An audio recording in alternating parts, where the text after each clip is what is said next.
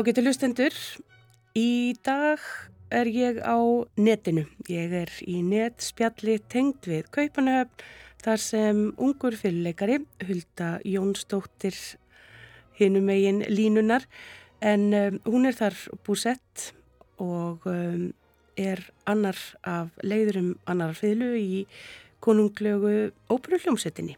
Við viljum að spjalla um ímislegt í dag, hvernig það er fyrir unga listamenn að koma sér á framfari í hörðum heimi, hvernig það er að sitja í grifjunni og, og spila og sjá ekki það sem framfer á sviðinu og svo er Hulda með ímislegt á prjónunum. Takk fyrir að spjalla við mig hérna Hulda. Já, takk fyrir að bara koma í heimsókn á netinu. Segð okkur nú aðeins hvernig það ægslaðist að þú um, enda er þannig í grifjunu í, óperunni, Köpnöfn.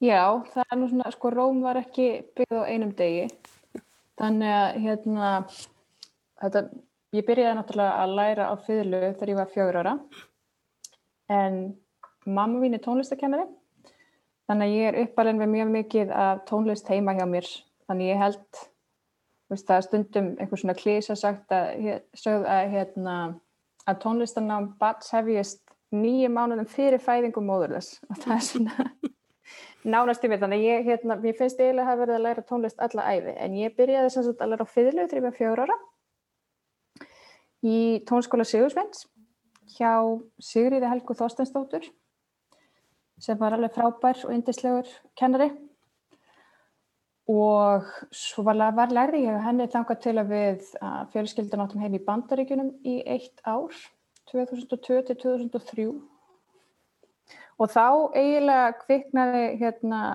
alvöru áhugin minn á fiðlunni.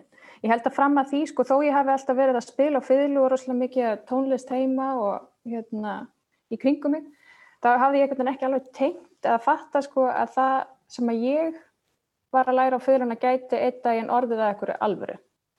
Mm. og svo hérna rann þetta upp fyrir mér þannig að vetur úti, ég veit ekki hvort það var bara það skiptum umhverfi og hérna hvort það var aldrun eða hvað það var en það var allt í hennu fatt að ég að ef ég myndi leggja daldi mikið meira á mig heldur en ég var að leggja á mig með æfingar og svo leiðist, þá myndi ég kannski einhvern daginn geta gert þetta eitthvað alvöru og þá fatt að ég mér bara langaði svolítið til þess Þannig að upp frá því fór ég að taka þetta fyrir á svona fastari tökum. Og svo fluttum við aftur heim eftir hennar vetur og þá fór ég að læra hjá Lilji Hjaltadóttur í tónlistaskólanum í Reykjavík. Og svo nokkrum ára setna hjá Guðni Guðmunds. Og ég lærði hjá henni held ég í 5 eða 6 ári, ég man ekki hvernig það var. Og svo fór ég höstu 2009 til New York komst inn í Juilliard og varði næstu sex árum þar og kláraði bæði BA og masterskráði læriði hjá alls konar kennurum. Hjá, byrjaði hjá Robert Mann sem var stafnandi Juilliard strengjakvartettsins og hann var næstum því nýraður, ég held að það verið 98 ára. Nei, ég segi 89 ára segi ég. Þegar ég byrjaði að læra hjá hann þannig að við varum þarna næstum því nýrætt gamalmenn eða átjónar og unglingurinn í spilatífum saman sem var mjög skemmtilegt -huh. og svo lærði ég hjá David Chen sem er koncertmeistari í Met óperunni og hjá konur sem heitir Lori Smöckler og er eðislegu kennari og kammermusikant í New York mm. og eftir það þá fannst mér eitthvað neginn sko ég held mér langaði að læra í bandaríkjum við höfðum eitt fjölskyldan í Minnesota hafði þau áhrif á mig að þetta var náttúrulega það útland sem ég þekkti best og ég sá einhvern veginn fyrir mér að mér myndi langa til að læra það en ég held ég hef aldrei séð fyrir mér að mér myndi langa til þess að endilega að setjast að. Ég held ég hef alltaf einhvern veginn haft svona já, hugmyndum það ég myndi fara aftur til Evrópu eftir ná þannig að eftir þannig 2015 þegar ég kláraði námið í New York þá fann ég að mér vantaði bara að breyta um umhverfi og prófa eitthvað nýtt. Og þá flutti ég eiginlega bara án þess að hafa neitt plan um einni neitt til Berlínar og upphaflega var hugmyndin svo ég myndi kannski bara taka svona eina önn í fríi og hérna frá námi og aðeins að finna mig, æfa mig og fara í pröfuspil og spila fyrir kennar og hugmyndin var kannski að fara jafnvel í meira nám á þeim tímapunkti. Og svo fluttu þau um mitt og haustið 2015 flutti ég til Berlín eða var nokkra mánuði í Berlín.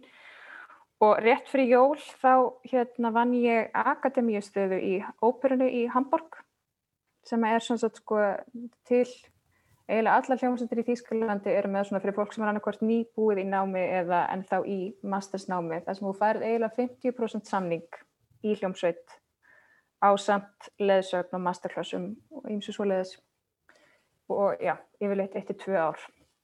Þannig ég komst á svoleiðis samning á óperun í Hamburg og svo bara myndaði ég alls konar önnur tengsl for að frílansa, kynntist kamerfeit sem heitir Ensemble Resonance. Og hérna, þau spila, eru sem meðluna staðalistamenn í Elfílamóni í Hamburg og ég spilaði þetta aldrei mikið með þeim. Var til dæmis einn vetur þá var einna fyrirleikur að vera í frí og þau buðið mér að koma og spila með sér sem var eðslega gaman og frábær skóli. Og svo er þetta nú þannig með hérna þetta líf í þessum brannsama það líka verið svolítið skinsamur og svona þó það sé rosalega mikið gaman að vera í alls konar verkefnum og ferðast og kynast alls konar fólki þá þarf maður eitthvað tíma að fara að hugsa um sko hvernig maður ætlar að haga restina lífinu. Og það eru sömum sem að hérna vilja endilega vera í þessu frelsi og njóta sín þannig. En ég fann að mig hérna þyrsti aðeins meira öryggi. Og þannig að ég var svona aðeins fyrir að leita fyrir mér í, fyrir, já, leita að förstum stöðum í hljómsutum það er í pröfuspilu svo leiðis og var eiginlega svona, það fær maður líka að hugsa sko hvað langar mann að setjast að, hvað myndir manni líða vel og svo leiðis. Þannig að ég vært aldrei mikið að einbita mér að Þýskalandi og svo hérna Skandinavíu með Danmörku og svo var ég reynda bara svo heppin, ég var ekkert búin að fara inn eftir svakalega mörg pröfuspil þegar hérna þessi staða inn í Kaupmannhöfn opnaðist og Kaupmannhöfn er náttúrulega bara æðislega borg og svo er þetta svona menningarlega svolítið nálagt Íslandi en líka þægilega nálagt Þýskalandi þannig að maður getur ennþá farið þangað og tekið þátt í verkefnum og nýtt sér tengingarnar sem maður á þar.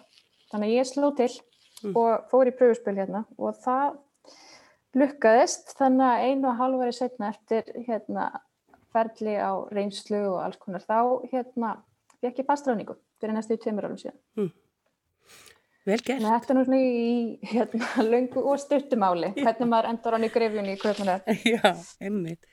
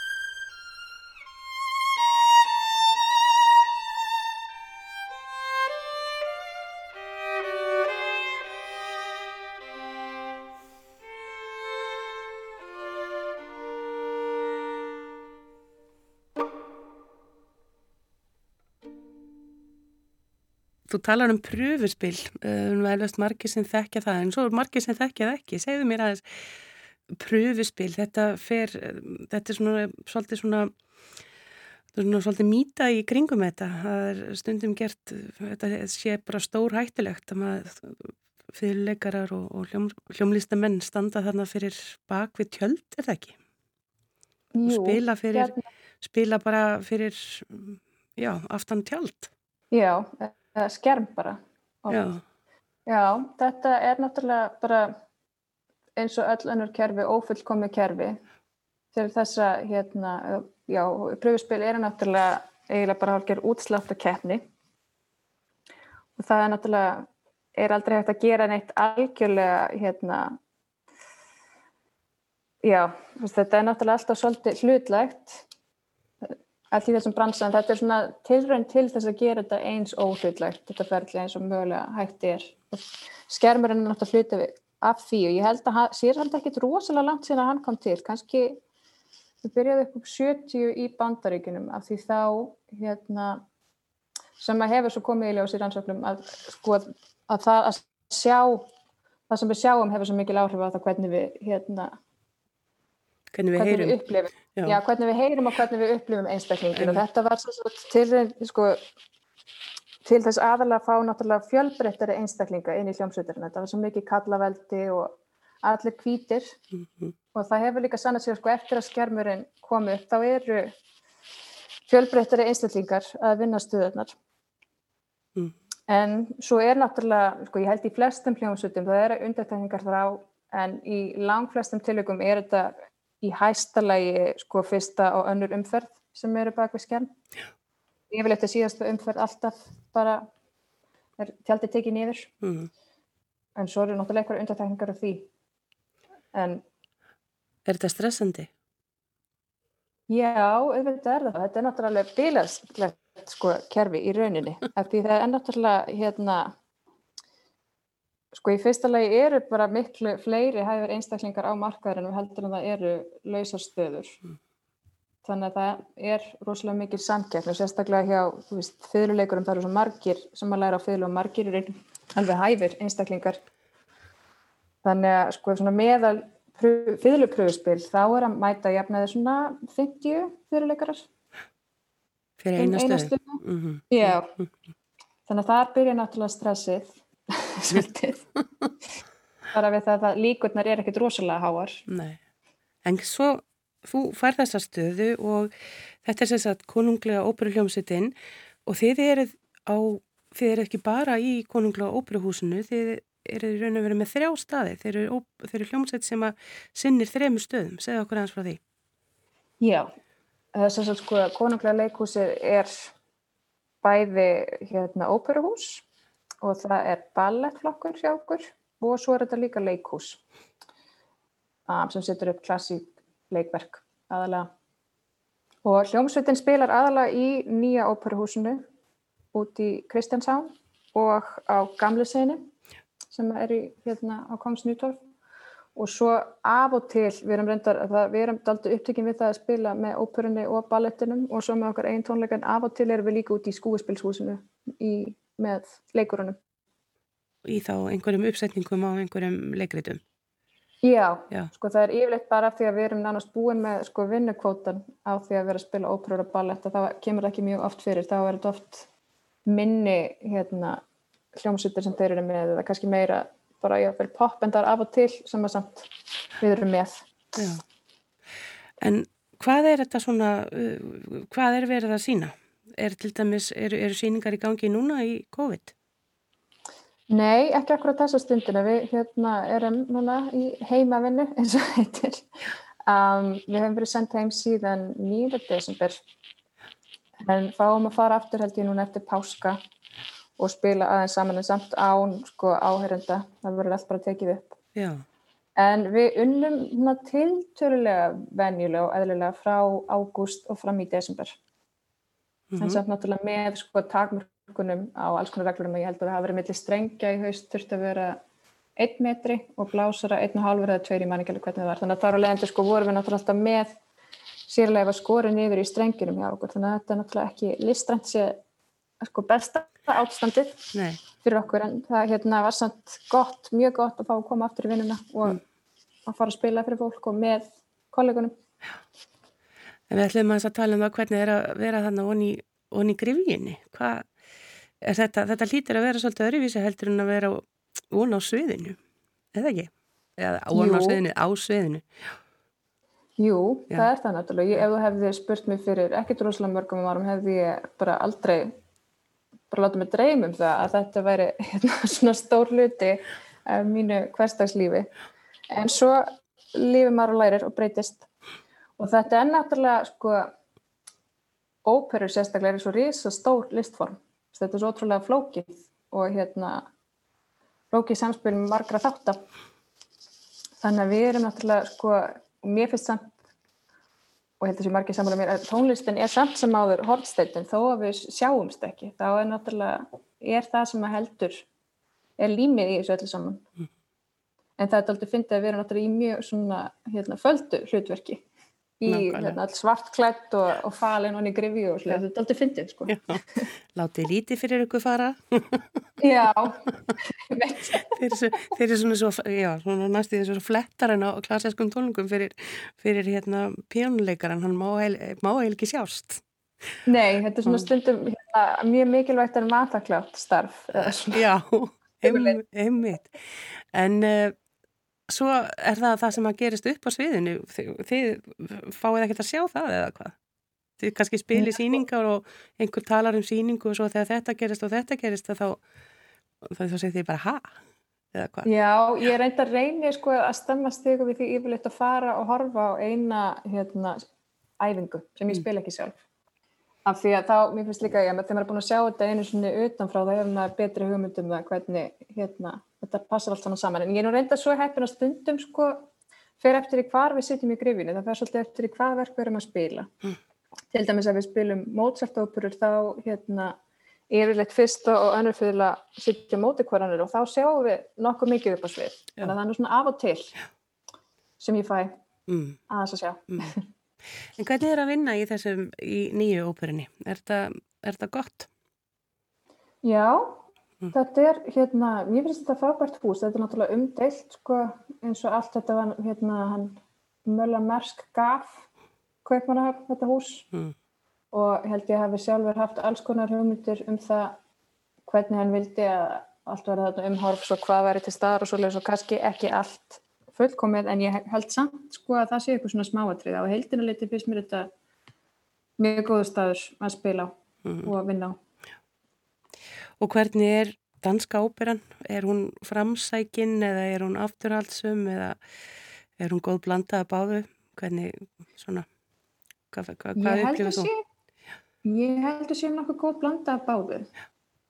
Sko það er náttúrulega sem, þetta er náttúrulega svo flókið, sem ríkistofnun í rauninni sem að hérna þetta konunglega leikhús er, þá koma með því náttúrulega alls konar hvaðir að það er kvóti á því hvað á að vera svo svo mikið af svona til dæmis, er að vera svo svo mikið af dönskum verkum og hinn og þessu, þannig að það er náttúrulega margt sem maður spilar inn í sem er ekki alltaf listrænt og mann finnst ekki alltaf að list og kótar farið saman. En ég held sko að það fyrir allt þá setja bara nokkuð góð blanda Mm. hjá okkur Hvað hefur þú svona mesta ánægja af að, að vinna við í óperunni? það sko er svo misjant sko, það veldur á hérna svo mörgum stundum ef að stjórnandinn er frábært getur verið hérna æðislegt að spila eitthvað sem manni finnist annars ekkert gaman og öfugt Mm. en svona bara frá sjónarhaldni tónlistarinnar þá finnst mér alltaf gaman að spila Puccini og Mozart. Ég held að þeir séu bara að mínum að þetta er langbestu hérna óperutónskóldin og svo með ballettinum það er svolítið fyndið að ballettin sko mér finnst það spilum við jafnvel sko hérna lang minnst áhugaverða tónlistin og svo lang áhugaverða tónlistin til dæmis strafinski ballettur og svoleiðis, það er náttúrulega eðislegt að fá að spila þetta jafnvel þá maður séu onni grifið þá maður hafi náttúrulega líka spilað á symfóníutónleikum upp á sviði það er eitthvað annað við það að spila þetta í, í ballettu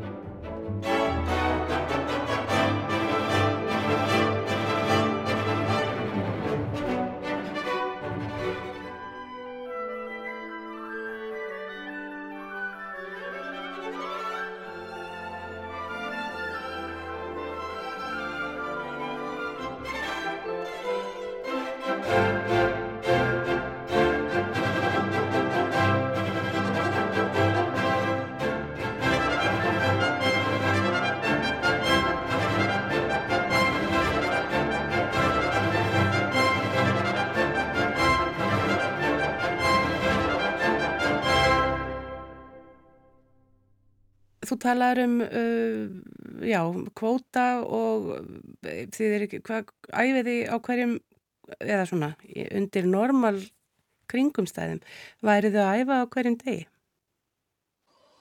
Já, flesta dagur, þetta er náttúrulega sko allt annar vinnuritmi heldur en hjá hérna 9-5 fólkinu. Þannig að yfirleitt eru sko mánudagar er eiginlega helgin okkar. Já. Og við æfum bara æfingar síðan alla aðra daga nema eiginlega aldrei og sunnudugum og sjaldan á lögudugum. En yfirleitt er sko já einmitt æfing fyrir partags og síningum kvöldið. Mm. Þó maður spyrir sjálfur kannski ekki alveg allar æfingar og allar síningar. Þá er þetta svona nokkuð með munstrið í húsinu. Gefst þá einhver tími fyrir að, að gera eitthvað annað?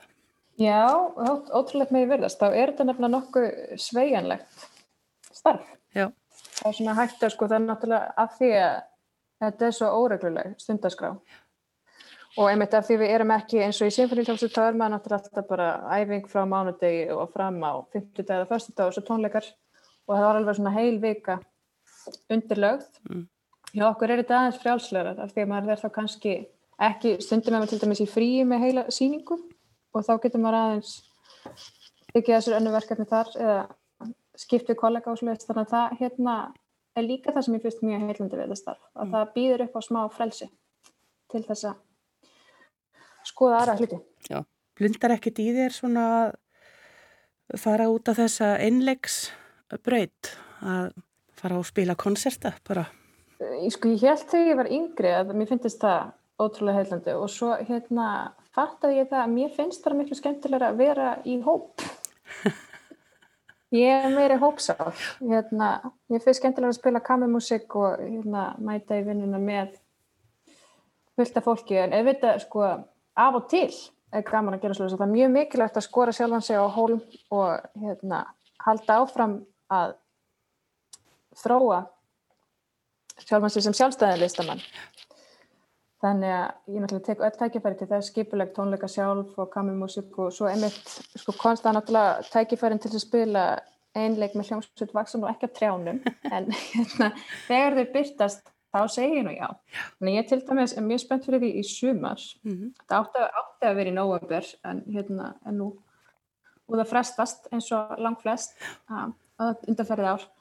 Þá ætla ég að spila með ungfóníunni sem á þjóðlagaháttíð og Siglufjörði, ég held ég hef ekki færið þanga sjálf síðan sko 2005 eða eitthvað svo leiðis en ég ætla að spila hérna fjöðlukonsert eftir konu sem að hétt Florence Price. Og konsertum var skrifaður held ég nú ætla ég að skrifa eitthvað 44 40 eitthvað og hérna var svo týndur í mörg mörg ár. Mm var eitthvað tíma fluttur hérna, vinkonana sem hún tilengaði verkið fluttana eftir að hún fjall frá að eitthvað til og með bara með píjónuleikara og svo glemdist þessi konsert og týndist og fannst ekki fyrir hann árið 2009 Jaha. bara í einhverju dóti í húsi í Chicago sem hann hafði átt mm. þannig að hann var ekki hérna, já bara viss enginn að vera til og svo var hann held ekki spilaður á tónleikum fyrir bara fyrir örfáðum árum og það er bara til einu upptaka á hann Okay. Og meðal annars, sko, hún er stór merkilegir en hún, Florence Price, því að hún var, sem sagt, fóröldrar hennar voru svartir og hún var sagt, svart kona í bandaríkunum mm. á þeim tíma sem að voru náttúrulega ekki alltaf mörg tækifæri fyrir fólk Nei. í hennstöðu og hérna, en á bladi, var að lesa eitthvað um lífanu dæli klikka, sko, af því að fóröldrar hennar vissi að það myndi vinna á mótinu þá stóð meðal hana sko á, held ég, einhverju tónsmíðakefni eitthvað sluðis um það að því bandaríkjunum verður svo svolítið rugglega þá þarf alltaf að skrifa niður sko hérna hvaða, af hvaða hérna lítararti maður er mm. og þá skrifuði þar hún væri frá Mexiko þess að þetta ekki að hún væri bara svartur bandaríkjumæður sem hún var Já. af því þú held að hún erði fyrir minna aðkast eða erði svo myndi, myndi vinna, minna á mótinni með því að segja þetta Já. hún væri bara hreinlega frá útlöndum Daldið spilaði það hérna, hún var held ég samt fyrsta bandaríska konan, allavega svarta, svarta bandaríska konan sem fekk hérna, verk flutt af stóri symfóníljóset, ég held að það verið symfóníljósetin í Chicago sem flutti symfóní eftir hana. Og já, bara stórmerkileg kona en samt sko, en náttúrulega var það ekki kannski þekkt nafn eins og kannski mögulega ykkur í Karlvenn á svipuður ekki á þessum tíma. Mm. En hún er að fá svolítið hérna aðtekli núna, hefur aðmitt eftir að öll þessi verk fundist bara inn í skáp í þessu húsi í Chicago. Já, stórmerkileg það. Já, þannig að ég ætla að er að læra fyrirleikonsert nr. 2 eftir hann og ætla að spila hann með ungfoníunni í byrjun júli Mm -hmm. á Söglufjörðu og í Reykjavík. Og í Reykjavík líka með ungfoníunni. Já, Já, já. það verður spennandi.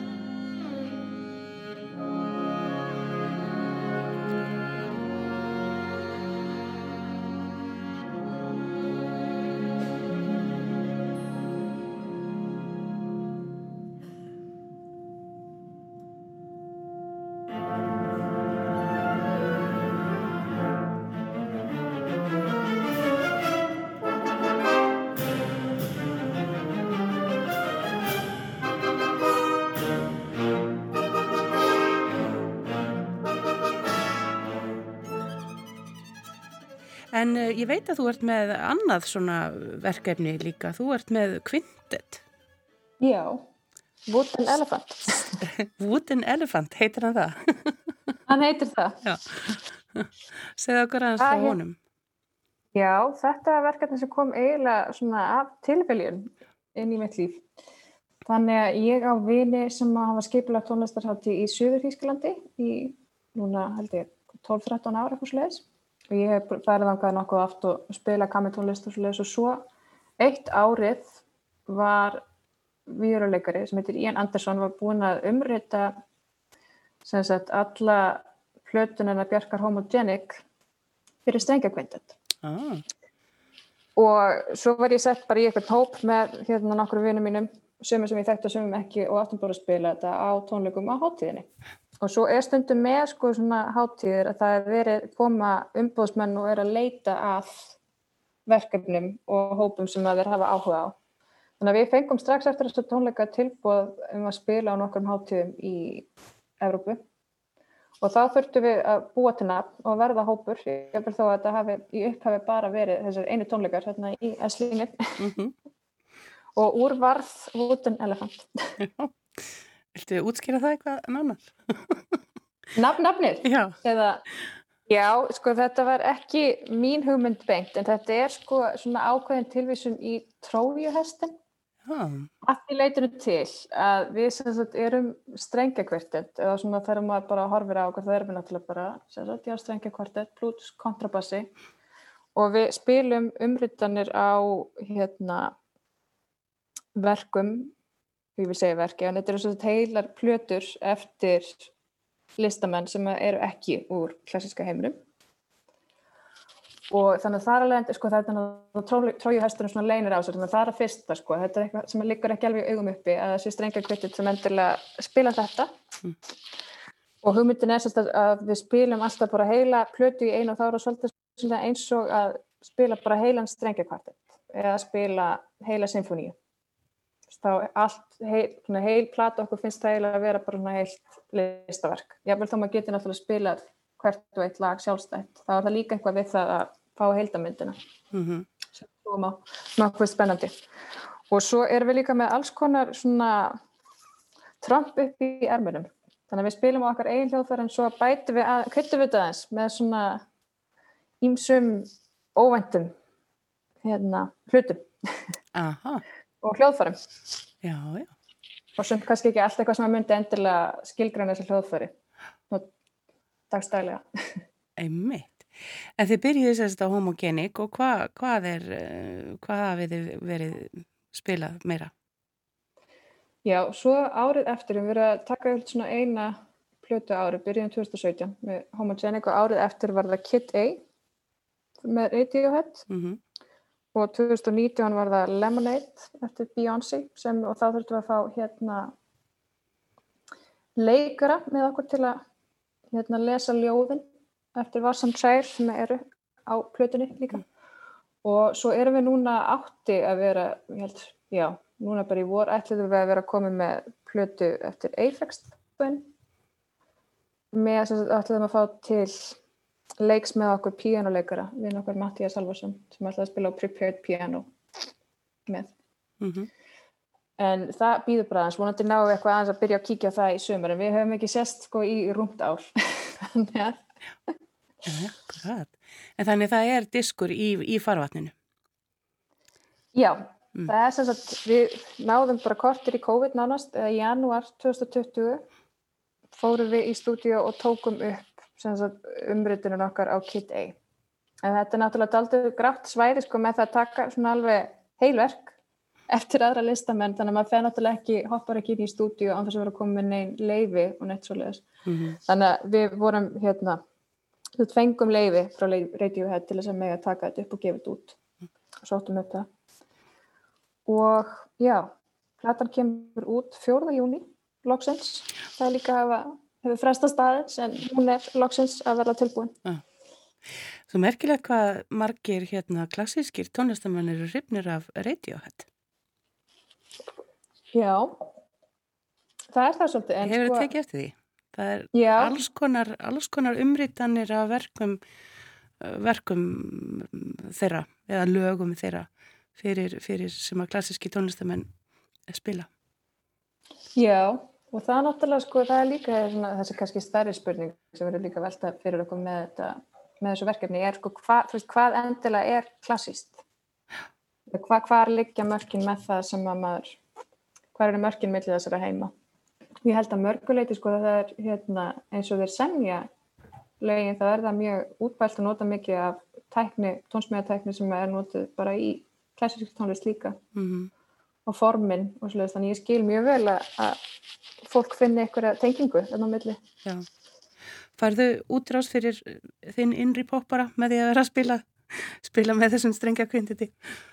Já, algjörlega, mm. þetta er sér þetta er svona líka eins og þetta starfi kvætminahöfn ég hefði ekkert endilega látað mig þetta í hög þegar ég kláraði námið í New York að að þetta myndi vera hérna, þetta inn í lífmitt en þetta er bara, er náttúrulega allt annað heldur en að vera í hljómsveit og allt annað heldur en að vera að spila eitthvað kamertónlist mm. venjulega, ven, venjulega kamertónlist En nú er eh, oft sagt sko, já með strengja kvartett sko að það sé uh, svona eitthvað að erfiðasta form eða já, eða ensemble sem til er þannig að fólk þurfi að vera svo samstilt eh, þurfum við eiginlega bara að þetta sé svona eins og hjónaband þurfum að vera gott hjónaband þú hefur vantilega heyrt yeah. þá, þá mýtu, eða mýtu, ég veit ekki hvort það er mýta hvað segir, hvað segir þú um það? Nei, ég held að þetta sé nú ekki mýta en sko, en ég veit ekki hvort að þetta eigið samt bara við um strengja kvart þetta mm. ég hef reynda ekki spilað sko í hérna próstrengjakvartet þannig ég veit ekki hvort þetta er eitthvað sérstaklega erfitt en þannig að bara í öllu svona samstarfi líka bara í hljómsveit þá snýst þetta allt um samskipti mm. og hvernig maður já, hvernig maður tala saman og spila saman og svo það þarf alltaf að virka. Um þetta, já, líka sérstaklega svona manneskilega, veist mér. Bara svona að það sé eitthvað sko, svona skilningum mellir fólk og það er ekkert endilega sjálfgefið sko, það passa ekkert allir saman. Og það er ekkert endilega kannski hægt að útskýra af hverju ekki, Nei. þannig að það er aldrei fyndið, af hverju, af hverju ákveðna samsendingar að fólki virka og aðrar ekki. Eða eftir að sjá hérna tré fílin spila hérna heima einhvern tíman? Ég vona það.